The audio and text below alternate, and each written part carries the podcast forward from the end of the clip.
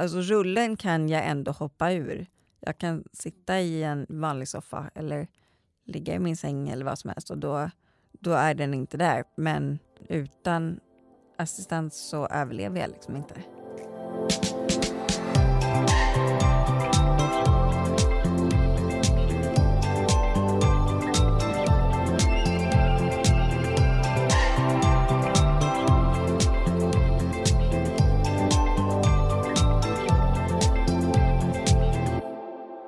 Välkommen till podden med målet i sikte. Jag heter Lisa Gustafsson. Och jag heter Charlotte Olsson Bresciani. Ny säsong 2020. Det känns ju fantastiskt. Hur har din jul varit? Den har gått snabbt. Nej, men julen har uh, varit faktiskt lite, lite vit, vilket var härligt. Jag fick uh, hänga i Sälen i några dagar och åka skidor både på längden och uh, bredden tänkte jag säga. Hur ser det ut? Ja, det kan man fundera på. Du då, du ser liksom Alltså, du har ju ett lite egendomligt skratt idag får vi säga. att jag skrattar lite mer ho ho ho istället ja. för hihi. Precis. Ja, jag kanske har fått ett munsår på läppen så det, jag är lite rädd om mm, det. Ja, jag. ja men det ska du vara. Ja. Mm. mm. Men i övrigt så ser du helt strålande och glansigt härlig ut. Ja, jag är nog det också. Jag, jag har haft en jättehärlig jul och jag är också kanske lite nykär. Nej, men vad härligt! Grattis! Det är ju ändå underbart att vara kär. Det är det. Hur har det gått med eh, dina mål? Ja, nu kom ju annat emellan där. Jag får ju skylla på det. Eh, jag har inte riktigt eh, startat än. Ja, men jag, mitt mål dök ju upp sista eh, avsnittet förra säsongen. Och det var ju, vad var det, att, att du skulle bestiga? Kilimanjaro. Ja, ja men hade inte jag, jag också 50. det som mål? Jo, det verkade som att du hakade på där. svagt ögonblick. Så. Ja. ja. Nej, men jag har ju tagit det här målet lite på allvar faktiskt. Mm, hur då? Eh, ja, men jag, eh, jag och mina tjejkompisar vi brukar eh, liksom ses och göra saker tillsammans. Och nu hade vi någon ny plan att vi ändå skulle göra något, något friskvårdsaktigt så här nu på julen, eller i, i julhelgen. Så då föreslog jag att ja, men ska vi ändå inte gå upp till Tornbergets topp? Och vad är Tornberget? Ja, det är ju Södertörns högsta berg. Så att jag har ju redan bestigit Södertörns högsta berg. Du ligger steget före. Hur högt är det här ja, det högsta berget? Det är ja. 111 meter över havet. ja, ja! Små mål, små delmål ska ja, också ja, firas. Ja, nej, men det var, jag kan lägga ut en bild sen. Det var brant på sina ställen. Ja. Är det också så cool skylt att nu står du högst uppe på Södertörns Man klättrar upp på ett, på ett, eh, ett utkikstorn. För att komma upp över, över havsnivån. ja, nej, men det var en trevlig eh, tur och det kändes ändå som att så här, nej, men nu är jag igång. Ja. Vi lyckades redan eh, på hemvägen gå vilse, men då, ja, det, då fick vi gå en liten extra tur. Så att vi, ja, jag kanske att jag behöver förbereda mig mer med kartor och sånt till nästa gång. Man får ju lära sig. Det är ja. bättre att gå vilse i Södertörn än på Kilimanjaro tänker jag. Det känns bättre. Ja. Mm, jag vill ju plugga till coach. Men eh, jag har inte kommit dit än, så det står väl överst på min lista först att bara reda i alla utbildningarna som finns. Du behöver alltså lite, lite coachning med ditt mål, Charlotte? Ja, eller, ja, jag skulle kanske behöva någon som... Eh, eller bara ha en lite spark i baken helt ja. enkelt. Bara, eh, hur går det nu då? Vad är ditt nästa? Bara någon mm. som eh, checkar är, av lite. Checkar av. Ja. Kollar att jag har gjort min hemläxa, mm. kanske. Det är ju faktiskt... Det, vi jobbar ju tillsammans på Iris Eh, och eh, flera av våra uppdrag bygger på just att vara en coach som finns lite vid sidan av och stämmer av att, det, att man, man ska skriva en inlämningsuppgift, att man håller den röda tråden eller att söker man jobb att man liksom har fortfarande goet kvar och kanske bara behöver en liten, en liten spark i rätt riktning eller ett litet hejarop när, det, när man liksom känner att man börjar dala. Precis, när det börjar bli lite motigt så kan man ju bara behöva någon som hejar på lite. Mm som stöttar och, och, så. Eller hjälper till. Och det som jag tänker, som jag skulle kanske behöva lite hjälp med, eller det bara att strukturera upp det och, och så här, okej, vilket är nästa steg? Vad är alla, alltså hjälpa till att kolla lite efter coachutbildningar, lyssna sig för lite. Så där. Bara ha någon eh, och hålla i handen när, när jag tycker att det börjar närma sig lite för snabbt. Ja. ja. Ja, men det, det borde vi väl eh, kunna lösa. Men det finns ju olika sorters stöd. Eh, idag kommer vi prata om en helt annan typ av stöd nämligen eh, assistans. Dagens gäst Annika hon bröt nacken i en ridolycka för 17 år sedan. Och vi ska prata om hur det var att plötsligt bli beroende av eh, andras hjälp för att klara vardagen och släppa in faktiskt folk in på bara livet. Och eh, att aldrig få vara ensam kanske och lära känna sig själv på nytt. Och det här är ett eh, avsnitt om kreativitet och hatkärlek och att ha ett värdigt, rätten att få ha ett värdigt liv. Varmt välkommen Annika Tessler. Tack så hemskt mycket. Vad härligt att ha dig här. Tack, härligt att få vara här. Hur mår du en dag som denna? Jag mår bra, eh, tack. Ja, jag tycker jag. Eh, det är för en, en stackars invalid som man själv så är det ju lite nice med plusgrader och barmarken då. Ja, man Även- klagar inte. Nej, man gör inte det, även om liksom mamman i mig och eh, ändå Greta Thunberg-fanet i mig fattar att det är inte, det är inte Det är helt, inte okej att nej, vara det är nöjd. inte helt sweet detta, men ja. Men du, hur brukar du presentera dig? Om du liksom, det beror ju såklart på vilket sammanhang. Ja, precis. Det beror väl helt på vilket sammanhang. Alltså jag, är, jag är ju alltid, höll jag på att säga, i alla fall det här året är jag 40 Mm. Ehm, år. Eh, jag är, uh, ja, jag är ju mamma då. Gubevars. Det är jag också alltid. Åt en ung tonåring. Ja, och exakt. Exakt. Han är, han är snart sju, eh, han, eller så är han 13. Det är lite oklart.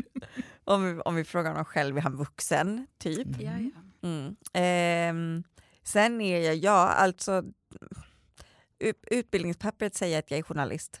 Ehm, jag jobbar med det lite, jag föreläser ganska mycket. Jag skrev en bok för ett par år sedan och kommer väl förhoppningsvis göra det igen. Mm. Är det något, börjar det, liksom, har du sått några bokfrön så, där, så att du har en tanke på utan att du ska få prestationsångest här nu, men är det så att du hoppas på någon, eh, en till bok eller? Jag har ett manus som är nästan slutfört. Åh, Ah. då så. Mm. Så Därmed, författare, därmed inte sagt att den kommer liksom toppa New York Times booksellerlista.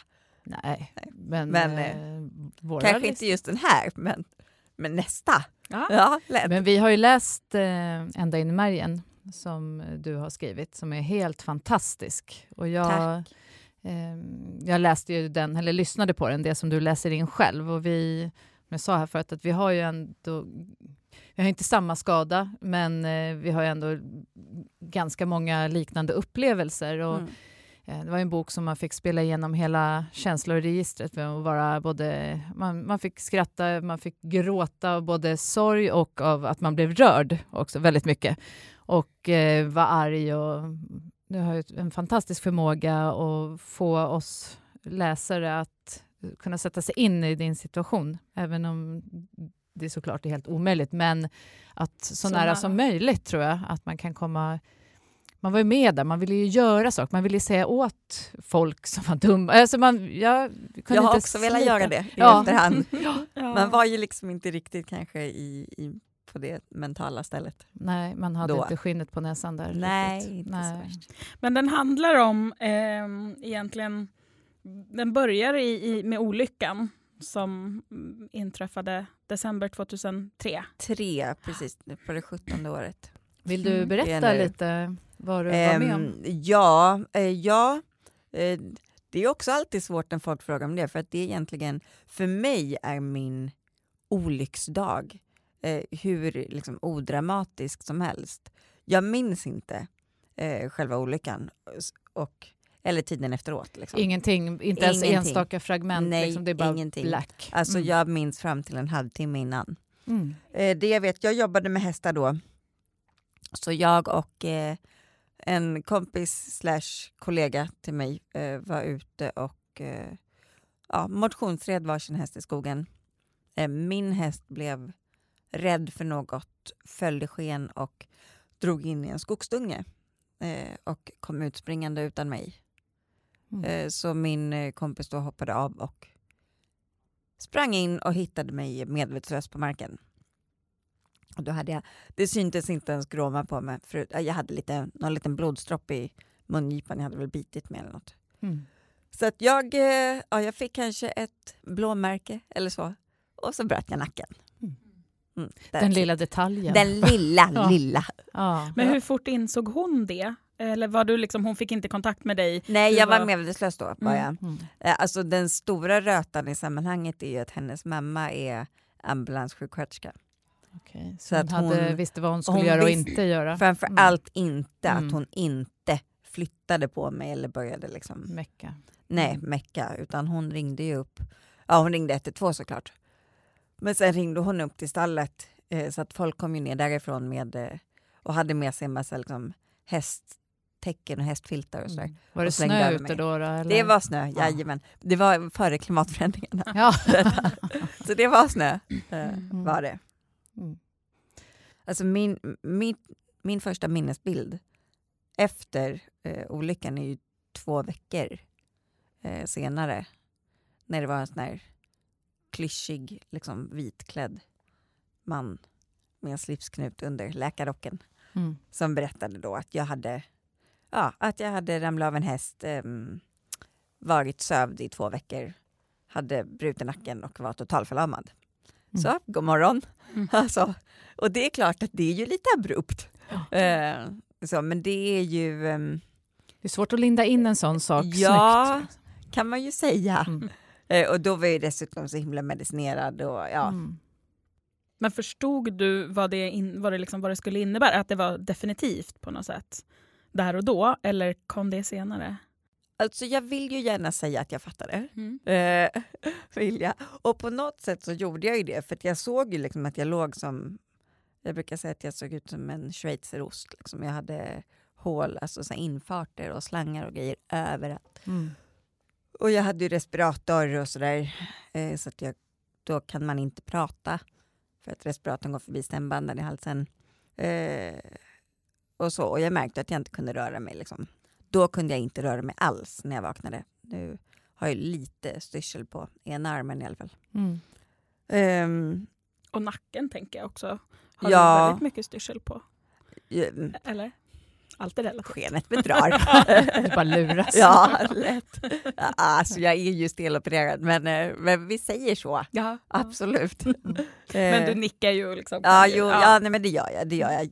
Det, är ju, det är en parentes i sammanhanget, men eh, han som opererade mig ansågs ju då vara världens skickligaste Det ju Och det, det är okej Ja. att det var han som Det jobbade var då. precis. Ja. Ja. Det duger för mig. Ja. Eh, så. Men för jag tänkte så, så som du, just det här med att förstå och inte förstå, eller hur mycket man tar till sig. Mm. Man tror ju att man har koll i Mm. början, om jag går Mm. till mig själv. Och också det här att man inte kanske vill heller förstå. Det, kroppen försvarar en på något sätt. Mm.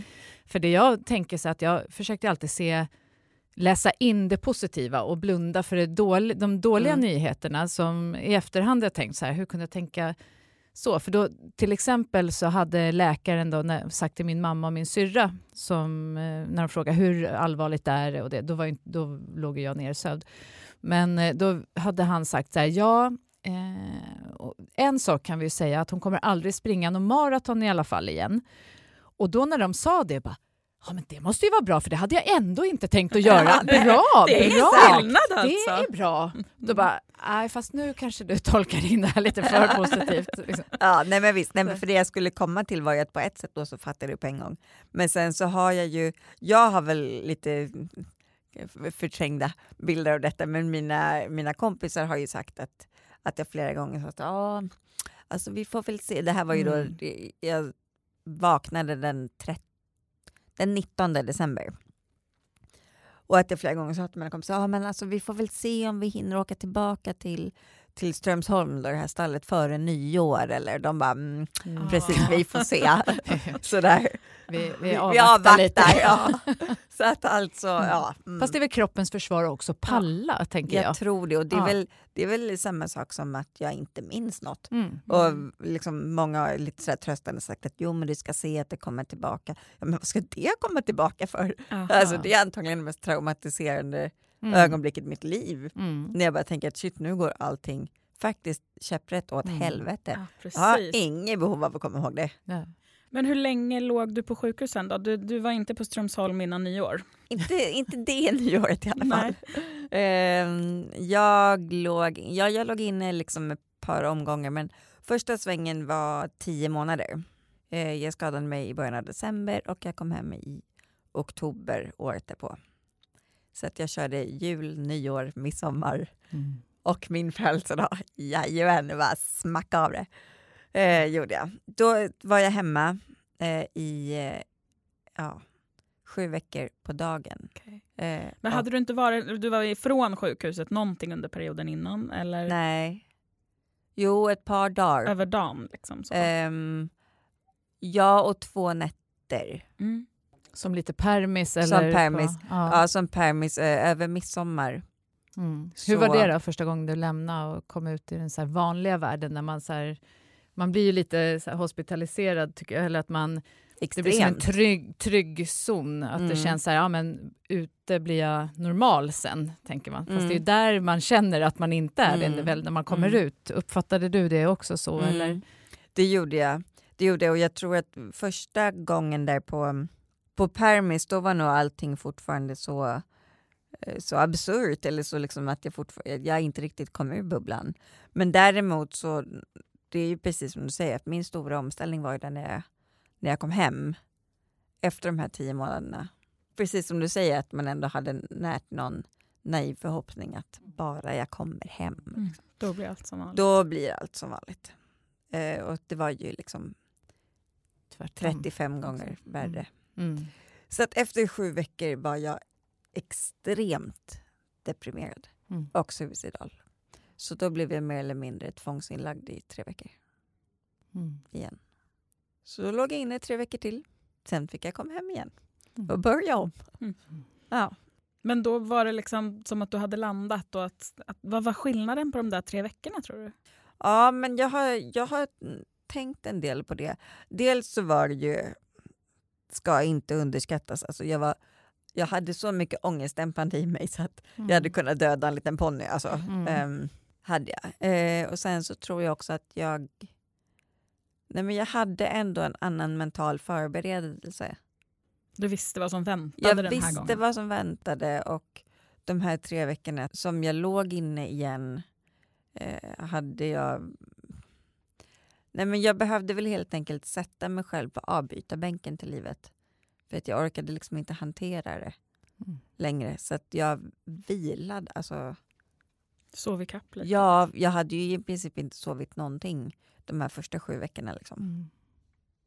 För att, du För- hade för att sån jag- för att oro jag hade och sån ångest. ångest. Ja. För att jag hade sån ångest. Men jobbade man... Jag fick ju träffa någon kurator här och någon eh, psykolog där. Inte så mycket, men jag tänker att det blir så mycket fokus på kroppen när man är skadad. Så att man kanske glömmer knoppen. Fick du jobba med psykologer? Eller liksom, fick du det stödet som du behövde i, i nej, början? nej, nej. Och Eller det, tackade det du var, nej kanske till och med? Ehm, nej, det gjorde jag inte. Men, men det är...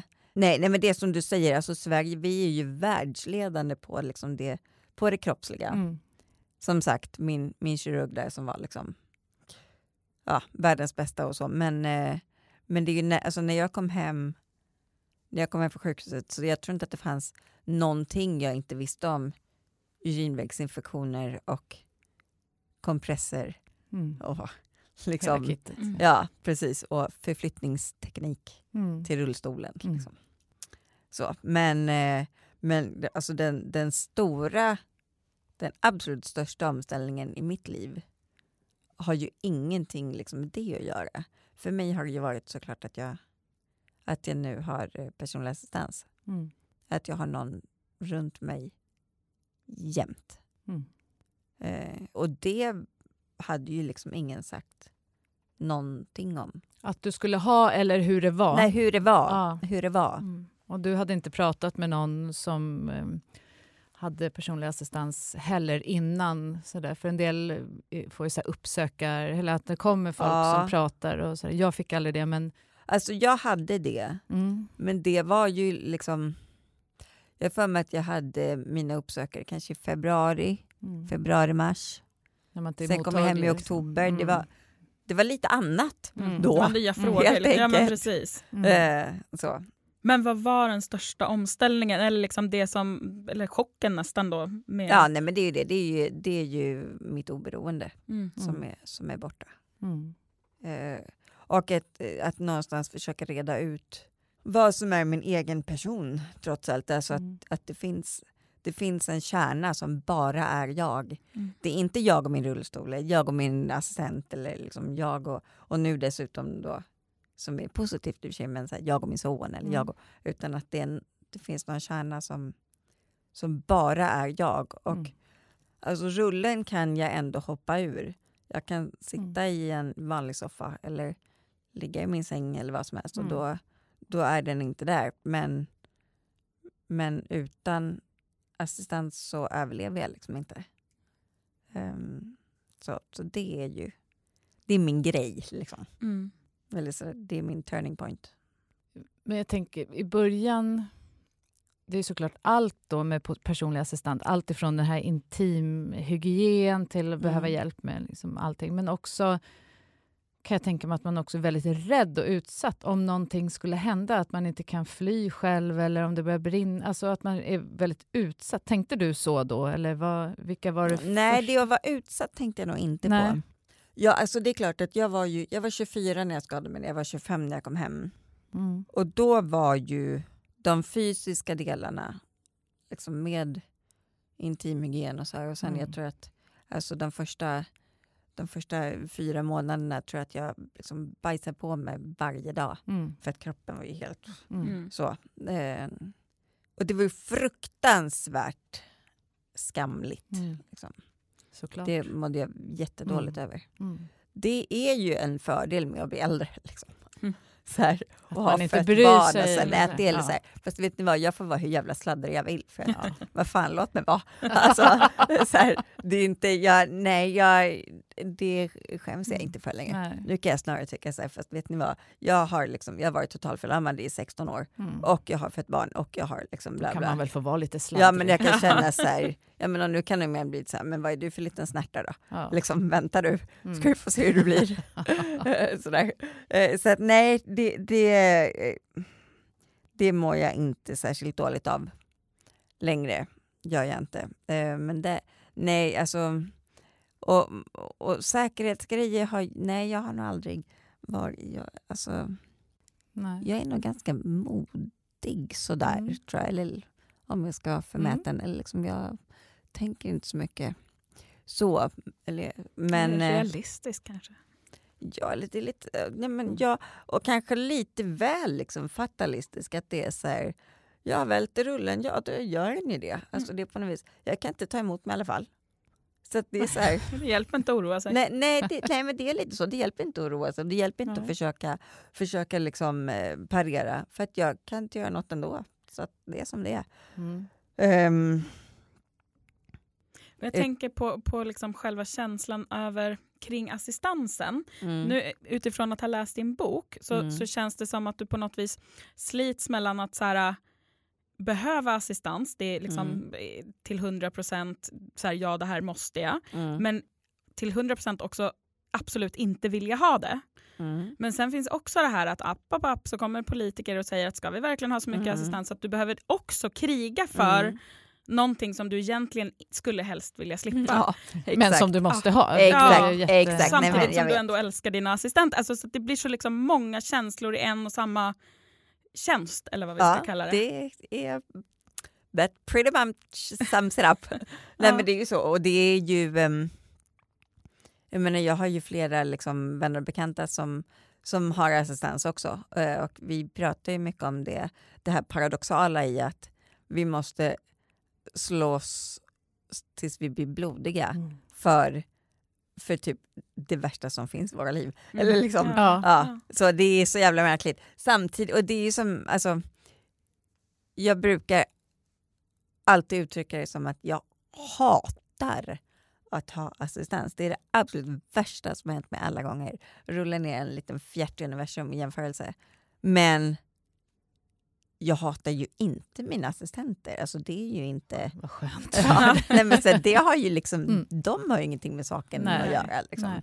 överhuvudtaget. Eh, Och, samt, och, ehm, och samtidigt som jag avskyr så är det ju, det är ju den absolut mest avgörande och viktigaste komponenten i mitt liv. Mm.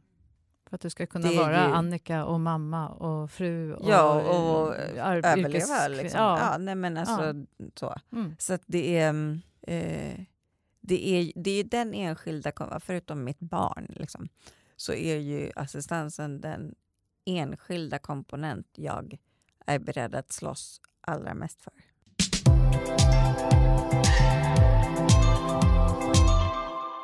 Men, men vad är liksom en bra egenskap hos en, hos en assistent? Då? Jag kan verkligen bara svara för hur de assistenter är som jobbar hos mig. Ja. Mm. Jag kan Du utgår ifrån det. du- Nej, nej, alla har ju olika behov, alla Ja. olika personligheter och önskemål såklart. Men jag tänker, som, för du anställer dina assistenter själv. Yes. Mm. Ja, Och- via ett, via ett, eh, ett bolag. Ja. Men, Men, Men det är det är du jag som som har är- intervjuer Ja, och ja. allting så, såklart. Eh, men om man nu vill jobba hos dig, mm. vad är, vilka egenskaper tittar du? Vad är det viktigaste? Ja, alltså ska man lista, göra någon så här flosklig, bra egenskaper, bla bla, eh, så skulle jag säga förmåga till fokus, Mm.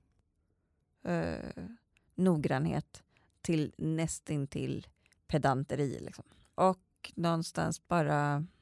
Nej men, jag tror att... Alltså, eh, om jag, jag ska försöka dra någon parallell. För att, alltså, alla assistenter som, som jobbar och har jobbat hos mig är sinsemellan väldigt olika. Jag har inget behov av att ha folk som är som karbonkopior av mig. Och jag tänker att alltså, när de är lediga så får de vara precis hur de vill så länge de inte röstar på Sverigedemokraterna. Typ. där, där har- jag dragit gränsen. Eh, men ehm, att det finns en förståelse för att på samma sätt så måste jag vara precis den jag vill och att jag är inte mindre människa nu eh, med verkligen allt som det innebär Mm. än vad jag var som oskadad. Liksom. Det har jag tänkt på. Jag är ju så här uh, mesig, jag vill ta ansvar, jag är så rädd att såra någon och lite konflikträdd Mm. och jag duttar och donar med alla runt omkring Mm. och kan ha ganska svårt att bara, nu vill jag ha det så här. Om någon säger något som jag kanske ändå inte gillar så bara, ja, nej men det går bra, okej, ah, Mm. ja. Men det måste ju också vara en trend. Du kanske har varit väldigt tydlig hela livet, men det är också Nej. någonting, nej, för det tänker jag att det måste ju vara något som man för sin egenskap måste träna upp. Att man vågar ge tydliga direktiv utan att alltså, låta bitchig, men vara väl tydlig med vad man behöver för att få det. Var det svårt Mm. i början att säga så här, fast det här vill inte jag ha, eller det Fast här vill jag det, ha? Det kan nog vara svårt for, fortfarande. Mm. Men alltså det är ju den här eviga balansgången att å ena sidan våga liksom uttrycka sina egna behov för att, för att faktiskt få någon kvalitet i livet. Mm. Och samtidigt så, så finns ju den här ständiga rädslan då att är man för tydlig så kan assistenten bara bra, tack och hej. Bara, Eh, ja. Oj, jag tappade rullstolen. Ja, ja, eller snarare oj, Ja, jag säger bara upp mig. Ja. Liksom, så så det, är, det där är en slaklina man kommer vingla på liksom hela livet tror jag. Mm. Det finns en sån fin historia, ty- tycker jag, i boken om när du eh, och en, den assistenten som, som du liksom hade jättelänge eh, satt och tittade på kort.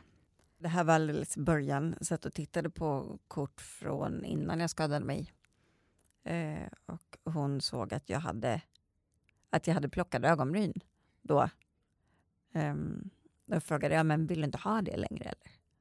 Ja, nej, och, Hade de vuxit Ja. ihop här över näsan då nästan? alltså, eller? peppar peppar, det gjorde de som, thank God inte. Jag har aldrig bara haft ett. Däremot så var de väldigt så här, vad heter hon den här, Cara Delevingne, bla bla. Ja, någon sån Lite super mer på Delta. buskiga då? Mm. Som Ja. kör den här liksom ner till ögonlocken. ja visst. Eh, så. Ja, nej, och jag liksom mumlade något och hon typ, ja, men blev sur och bara, men vad fan säger du inget för? Ja. Liksom. Och sprang iväg och kom tillbaka med en pincett. Mm. Ja.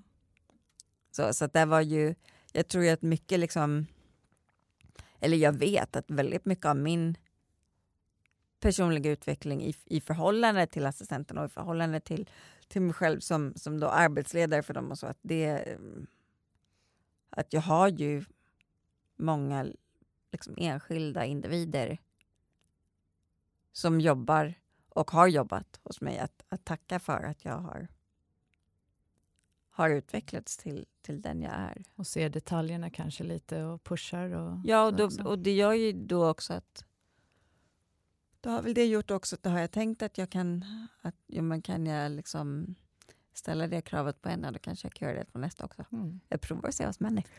Precis. Sådär. Och jag, jag tänkte också på de här, jag följer dig på Instagram, du har ett jättefint Instagramkonto. Där så fick man under en period följa så här, en assistentsdag eller Mm. arbetsuppgifter. Det tyckte Mm. jag var så otroligt bra. Det var både roligt och berörande skrivet. Och så var det någon där när du ska krama din eh, pojke, vad heter han nu? Erik. Erik, ja. Eh, och när, när han sa men krama hårdare, så, mamma, och då, Mm. att eh, du får hjälp att krama om. Mm, att de drar i mina armar. Ja, liksom. att de drar och håller om. Så här. Och då, då vet jag, jag då, som mamma, jag grät för jag tyckte det var så fint och rörande också. Men att ni kommunicerar, men som du har uttryckt att eh, ja, dina assistenter är bara mammas tråkiga tanter. Liksom. Mm. Så, eh, det, det var ju verkligen fint att bara få se just hur en, en vardag kan se ut i verkligheten. Liksom. Ja, nej, men, ja, alltså jag körde ju... eh, jag körde en hashtag då. Det här var väl framförallt i samband med valet Mm. 2018. Den ligger nog kvar fortfarande, mer än bara överleva. Eh, heter det. Men det, och där, det var väl också för att assistansen var i sånt himla fokus då. Mm. Ehm, var det och att jag ville... Jag har väl alltid... I, I det opinionsarbetet så har jag väl alltid liksom jobbat för att konkretisera. Assistansen blir gärna väldigt eh, teoretiserad. Det blir schablonbelopp och det blir, eh, eh, det blir det budgetar. Och, eller- ja, precis. Och det blir huvudmannaskap. Och det, är så här, det går ju över huvudet på 99 procent av befolkningen. Och det skulle det verkligen gjort på mig också. Eh, om jag inte hade varit berörd av det. Eh, så att mitt, mitt fokus har väl varit mycket att försöka Ja, men som sagt att försöka konkretisera, men det här är faktiskt vad det Mm. innebär. Och då är det att, att säga att jo, men jag har någon som torkar med rumpan, ja jo, ta flack för dig. Mm. Men, det, ja, men det är lite annat också. Mm. Som att krama Så, sitt barn. Som att krama sitt eller barn. snyta sitt barn. Ja, eller... som att träffa en kompis som sitter helt rödgråten för hon har blivit dumpad av sin kille. Mm. Som att eh, vilja hångla med sin egen kille någon gång. Min, min morfar dog med mig i rummet, jag hade en assistent med. Eh, Mm. Jag eh, födde mitt barn, jag hade en assistent med. Mm. Alltså vad det än kan vara, jag har Mm. en assistent med, punkt. Mm. Och det är, Det är som en allt- liten jävel på axeln så här Ja, som man har men med sig oftast. I Iron Maiden-tröja liksom. just idag faktiskt. lätt. Ja. Så, vi sätter ribban.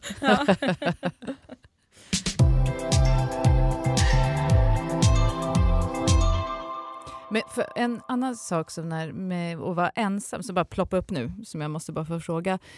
Som jag har ju jättestort behov av, av egen tid, alltså vara Mm. själv, helt Mm. ensam. Om Mm. det så är i mitt växthus eller bara när jag står och bakar eller bara ligger och läser en tidning. Eller så. Mm. bara, bara få vara helt själv. Mm.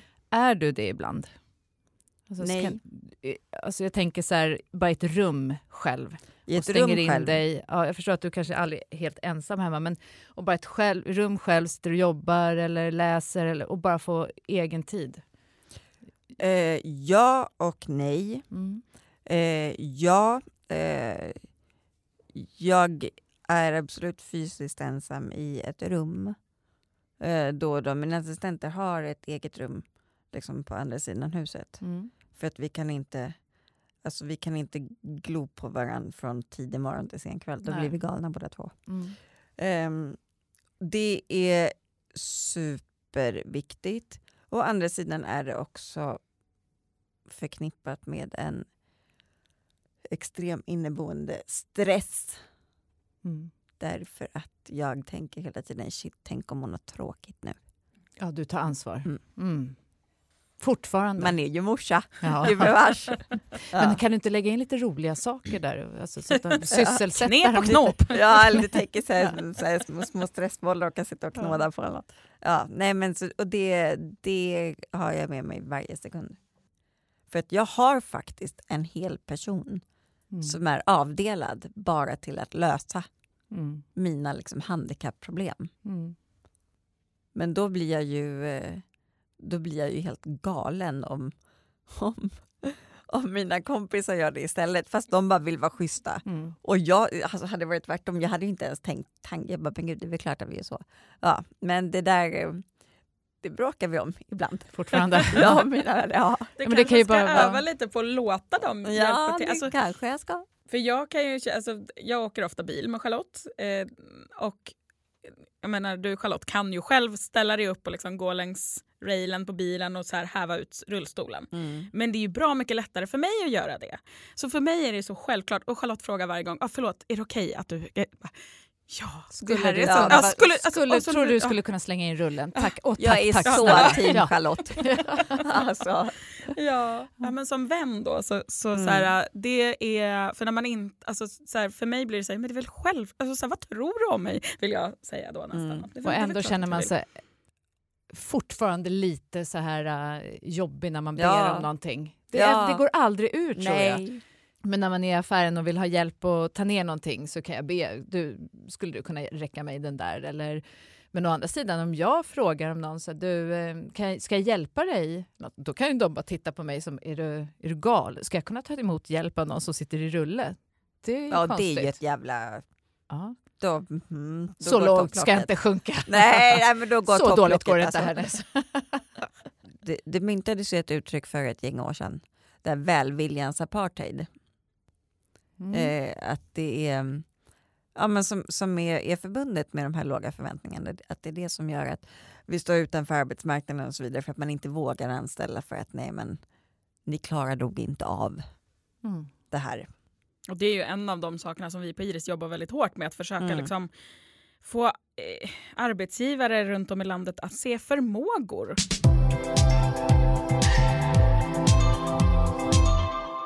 På båda er så tänker jag att ni är väldigt kreativa. Eh, och det kanske ni var redan, liksom hade varit. Men att man behöver liksom hitta nya sätt att göra saker på. Att, aha, okej. Hur, hur gör jag det här nu? Hur kramar jag min son? Ja, okej. Hmm, men om vi gör så här. Man Ja, blir lite mer uppfinningsrik, Mm. tänker du? Kanske, Ja, kanske man mer hittar lös, lösningsfokuserade. Ja.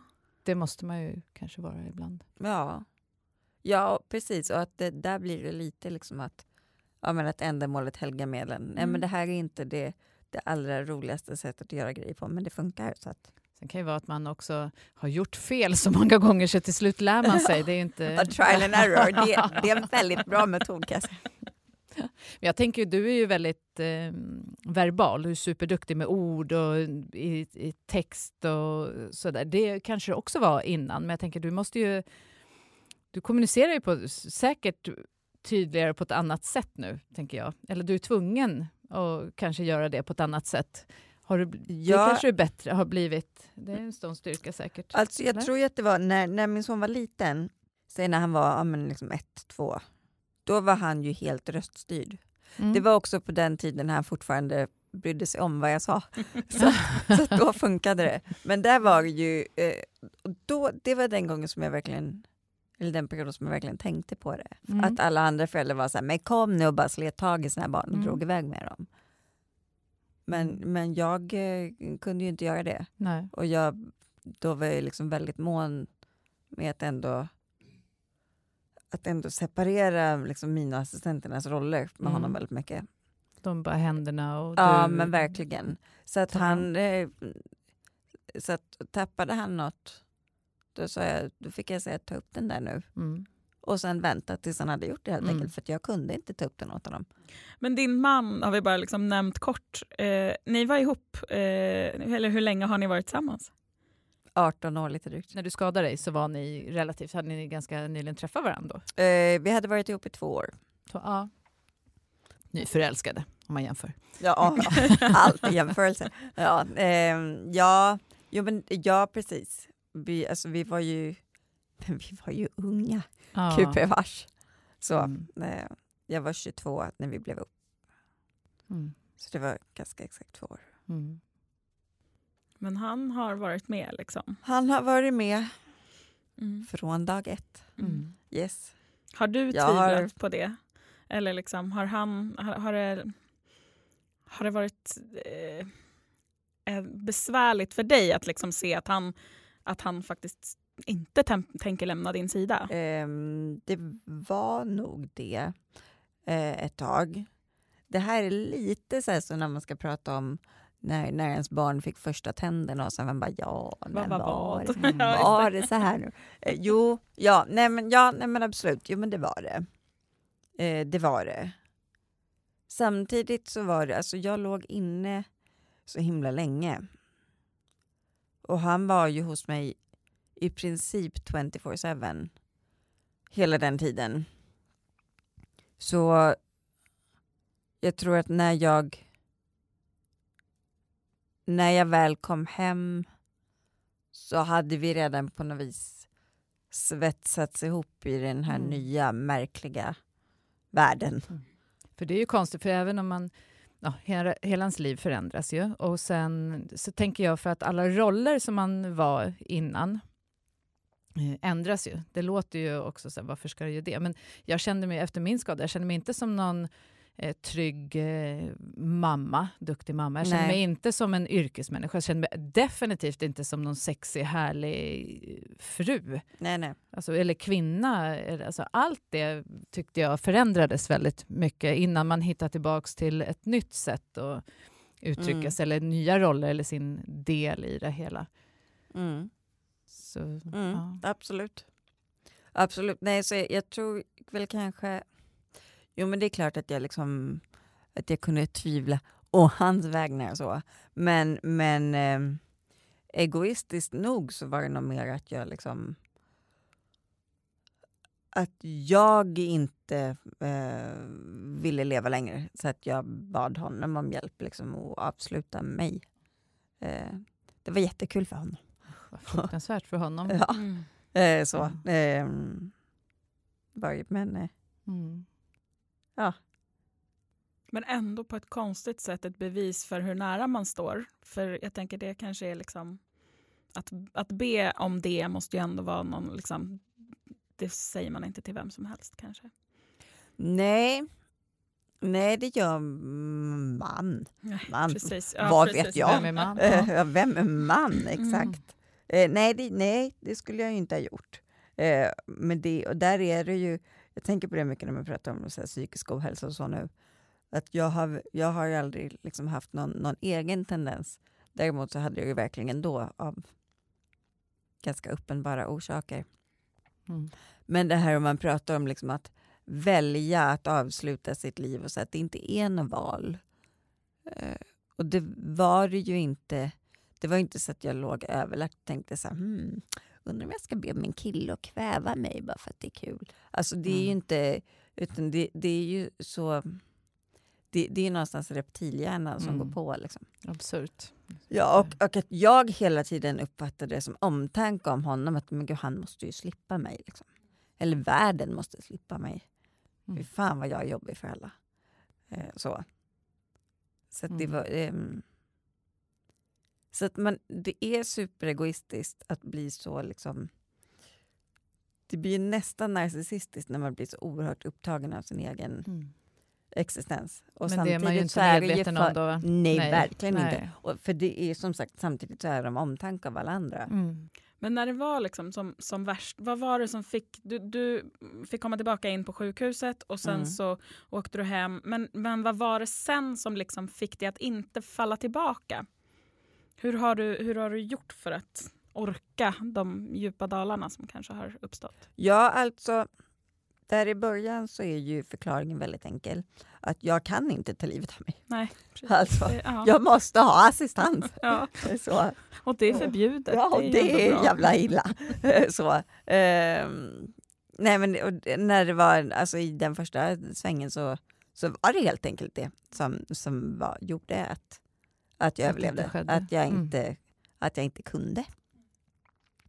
Eh, så believe mig att jag försökte tänka ut lösningar på det där. Men så kreativ var jag tydligen inte.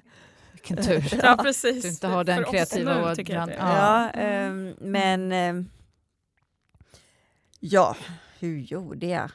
jag? Nej, jag tror helt enkelt sen bara att jag eh, eh, Eh, precis som, som du pratade om tidigare Charlotta, att världen blir liksom väldigt insnävad. Alltså världen hade krympt extremt mycket. Jag, jag var inte, alltså jag hade ingen roller att fylla då. Nu hade inte jag fått barnen men alltså det var att jag, jag kände att jag, alla, alla, alla inneboende sociala positioner jag hade haft, att jag hade varit liksom, ja, men vad var jag då? Student och ridlärare och kompis. Ja, ja, Mm. ja alla såna här. Att jag inte att jag inte hade eller kunde uppbära någon av dem längre. Så jag satsade nog bara på i myrsteg att ta tillbaka små, små, små, små områden Mm. av mitt liv och sen så liksom vidga. Och det här är ju en analys som jag kan sitta och säga liksom Mm. hundra år efteråt. Jag Mm. tänkte ju inte så strategiskt Nej, då, men, nej. men det var nog så jag gjorde Mm. eh, i praktiken. Mm. Och där är det väl då, men ni vet allt det här med prestationsbaserad självkänsla och bla bla. Eh, så att för mig handlar det väldigt mycket om mätbara grejer. Mm. En av de första grejerna jag gjorde var att jag hade någon gammal, någon gammal resttenta på universitetet som, som jag aldrig hade skrivit när, när det begav sig för att det hade varit några tävlingar och, som jag Mm. kanske hade prioriterat istället. Eh, så, ehm, men så jag tog den Mm. och det var liksom en så här supergrej. Jag klarar det. Jag kan Ja. någonting Ja. fast jag sitter i rullen. Exakt. Mm. exakt. Precis, Där känner jag igen. Små, Eh, små saker. Små, små, ja. små och sen liksom successivt Mm. bara vidga. Att man blir så glad över de små sakerna också. Mm. Ju också man känner sig, jag kommer ihåg första gången jag tvättade håret själv. När jag Mm. satt i en dusch och, och kunde göra det själv. Jag var ju salig i en vecka. Jag bara, ha, ha, att jag kunde tvätta Mm. håret. mm. Eller, Exakt. Ja, men det var små, små, små saker. Som man blir så tacksam över. Så jävla Kanske. fin jag var med de där nyplockade ögonbrynen. Ja, Lätt så snygg jag aldrig varit. Men eh, vi brukar ju prata, eller jag eh, föreläser ganska mycket om bemötande och, och såna här saker. Och jag, om någon hade frågat mig innan skadan, så här, vad tror du hade varit det svåraste med att sitta i rulle, då hade jag lätt sagt så här, med trottoarkanter och snö och sånt där. Mm. Men det jag upplevde efter var ändå människors attityder och bemötande. Mm. Hur de såg på mig och hur de kunde uttala, Mm. liksom uttrycka sig till mig. Och, eller det värsta när Om de inte... Ja, Ja, om mig eller Mm. inte alls. Mm. Att man inte, har du varit med om någon så riktig så här bemötande eh, Katastrof. plump? Ja, Mm. katastrof. Alltså det, om det är något speciellt som du tänker, någon som har sagt något så här riktigt så här, vad i hela friden? Hur lång tid har vi? Ja, men vi kör ett till program. Ja, lätt. Vi kan ha, vi kan ha en lång lista där. Ja, nej men ja. Hur många som helst, Mm. såklart. Eller, och varför då? Varför såklart? Men ja, absolut. Ja, ja nej, men det har ju varit... Eh, Har du något exempel så här, som du kommer på som har stuckit ut lite? Eller? Jag vet ju något som jag skriver om i boken där när, eh, när vi skulle inför införa att eh, vi skulle gifta oss då. Eh, jag och min man, så var ju jag och mina två bästa kompisar som skulle vara tärnor var i en butik, en bröllopsbutik eh, och skulle kolla på klänningar till mig. Ehm, och eh, vi kommer in och det här var ju då dessutom i, ja det var på våren och det var liksom torrt och soligt ute. Det var inga så här geggiga hjul, ingenting sånt. Liksom. Uh, och det kommer fram någon snorkig Östermalmstant. Kärring. Kärring! Kärring kom fram, det tycker Ja. jag inte vi Nej, vi ska inte hymla. Det var en kärringjävel som kom fram. Ja, Ja. jävel också. nu kör vi. Ja. Eh, så, eh, och eh, deklarerade med, med liksom hög stämma att, eh, att eh, såna där vagnar ville vi inte ha inne i, i den här butiken förstår väl, så du får vänta utanför på gatan och så får de gå in och titta vad de vill ha. Jag bara, fast det är jag som ska gifta mig. Ja. Och det sa jag ju inte då. Nej. Det är ju det Åh, som är så det där. Varför säger man det inte? Nej. Det skulle jag ha sagt idag Ja, faktiskt. ja, men, man blir tuffare faktiskt. Ja, det blir det man. blir man. Man blir tuffare med, med åldern också. Jag kan verkligen längta efter att bli en så här 70-årig jävla surkärring. Alltså jag ser fram emot det så mycket. Ja. Jag ska bara Ska fråga här- din man kanske, han kanske tycker att du är en 70 70-åring surkärring Ja, lätt. Eh, nej, men så här, bara så här, köra över hälsenorna på folk när de inte flyttar Mm. på så grejer. Ja, ja. Jag ska göra hela racet, Mm. känner jag. Kanon. Men eh, hur ser ditt eh, liv ut idag då? Det är ja. ingen liten fråga. Nej, då tar vi den. Eh, ja, hur ser det ut? Alltså, man blir ju mer och mer inrutad ju äldre man blir. Mm. Såklart. Men jag tror, alltså jag tror ändå att ehm, jag, jag får ändå för mig att vem som, som liksom skulle vara en fluga på väggen i mitt liv en dag ändå skulle tycka så, men shit vad jävla normalt och tråkigt. Eller liksom, det är Mm. inte, ja alltså Du lämnar och hämtar Ja, på man skolor lämnar och ja. hämtar och man tjatar om att ta på dig den jävla pyjamasen nu. Mm. Och så får man inte ens svära inför ungjäveln för då måste man lägga pengar i svärburken. Alltså, så här, ja, och man dricker sitt kaffe och man läser sin Dagens Nyheter på papper fortfarande för man är lite gammal kärring där med. Liksom. Mm. Eh, så man vill inte ens ha den digitalt. Ja, nej men sådär, van, det är nog väldigt vanligt. Vi pratar ju alltid, vi heter ju Med målet i sikte och br- brukar prata om våra mål. Mm. Ehm, Om och, vi har några. Ja, precis. Och då undrar vi ju såklart, så brukar vi fråga våra gäster vad ditt mål är. Eller flera mål, eller drömmar. Vad har du för nästa steg? Eh, nej men alltså målet är ju att få ut en bok till. Mm. Det är eh, så. Vilken ab- genre är det absolut. på den boken? Vill du avslöja det? Eller? Det är hittepå. I alla, fall. Ja. Ja, nej men det är i Mm. alla fall, gud det är så många som har frågat om jag ska skriva någon liksom uppföljare till, till den jag skrev och det kommer jag inte göra under några som helst omständigheter. så, alltså, så det, nej. Så att, nej, nej, nej, det, det blir ju helt fiktivt. Mm. Ehm, blir det. Det är målet och sen är alltså målet för egen del är ju någonstans bara ha ett så och hitta liksom så, så meningsfulla, roliga grejer att göra som möjligt. Men, men eh, nu känns det som meningen med mitt liv, vilket är, eh, apropå floskler, jag tror ju inte på någon mening med livet, men meningen med mitt liv nu, det är ju att, att bara se till så, så min son har det så bra som möjligt. Mm. Det är faktiskt överordnat allt annat. Mm. Det är nog hos alla föräldrar. Ja. Vi skiljer oss inte så mycket där. Ja, nej. Precis. Nej. Nej, det låter som ett bra mål. Och att det ska bli fullsatt på Kentkörens kommande eh, Ja, lätt. evenemang. Mm. Eller? Kan vi få en eh, trudelutt här? Under inga omständigheter faktiskt. Precis. Vi får köra en, en eh, Kent-låt. Vilken är din favorit Kent-låt? Och Visst är den svår? Eh, Säger jag från ett Kent-fan till ett annat blir det lite stökigt här nu, som att jag skulle kunna säga det själv. Men vi båda gifte oss till Utan dina andetag, eller? Ja, Ja. absolut. Mm. Då måste man ju ändå ha den lite extra varmt om hjärtat. Jag kan inte ens gå. Hade du den? Utan, Inte ens med din luft, eller? Dålig jävla luft. Ja, precis. Ja, men underbara Annika. Alltså, du ger så mycket så här äh, insikter, tycker jag. Eh, och alla som inte har läst eh, Ända in i märgen, gör det. mm. Och helst av allt lyssna på den, för då är det ju faktiskt du själv som, som läser in den. Ja, men jag ska nog ge en brasklapp där bara. Jag läste något så här kommentarsfält på Storytel någon gång för länge sedan. Eh, och jag har, jag har nog aldrig varit med om en bok som har fått så, så många så här femmor eller ettor i betyg. Jaha. Ja, femmorna, åh fantastisk uppläsare, åh bla bla bla. Och jag har fått meddelanden från folk som åh kan du inte jobba med att skriva in eller läsa in böcker?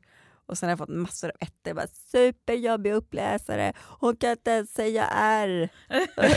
så jävla jobbigt att lyssna på. Nej, Så att det alltså- kanske är mitt minsta problem i vardagen att jag inte kan säga R. Ja, nja, så att jag, eh, jag, eh, jag skickar med den varningen Ah, okay. helt enkelt. Den är jättebra. Ni kan bli upprörda. Jag, tycker den var svinbra. Ja. Tack. Ja. Tack snälla. Och tusen tack för att du har varit med oss här idag. Tack Lycka för att jag till. fick vara Vi med. ser fram emot Tack. eh, flera böcker och flera konserter och, och Ja, flera sånt. möten framöver. Ja, tack snälla för att jag fick vara med.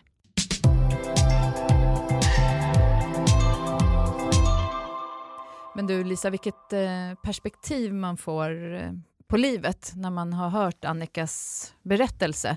Ja, jag tycker att jag hade ändå fått ganska mycket perspektiv tidigare i mitt liv, eller Mm. genom min skada av det, men eh, det här är verkligen eh, något annorlunda. Ja. Och just det här att behöva strida för någonting som man är beroende av men som man egentligen absolut inte vill ha.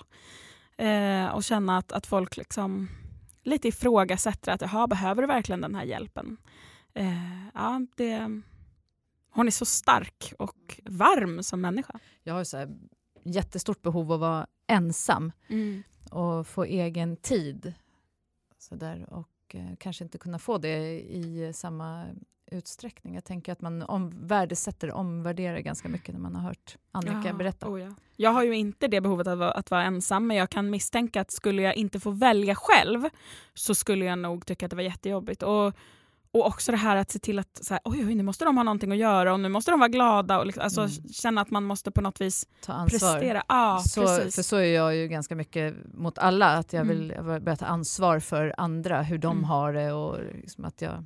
ja, det måste vara grymt svårt att bara liksom kliva iväg från det och säga okej. Och kanske börja styra och ställa lite med andra. Jag, också det här att, inte ge order, men vara tydlig vad jag vill och inte vill och, och inte bara säga ah, men det är okej, det är okej, så kanske inte alls är okej. Så kan jag tänka mig att jag skulle vara i alla fall i början, innan man eh, får lite mer skinn på näsan och faktiskt Vågar. vågar. Ja.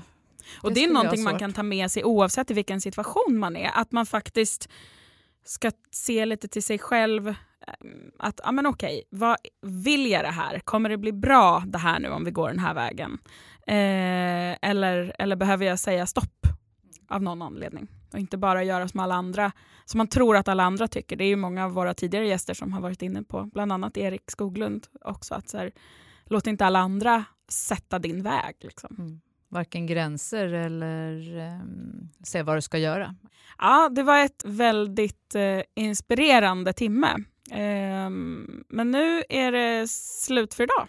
Det är det, vi hörs snart igen. Ja, om två veckor förhoppningsvis. Då. Vi vill tacka Radio SRF för lånet av studion och sen så vill vi tacka Story of You för att de hjälper till att göra det här programmet. Ja, tack så mycket.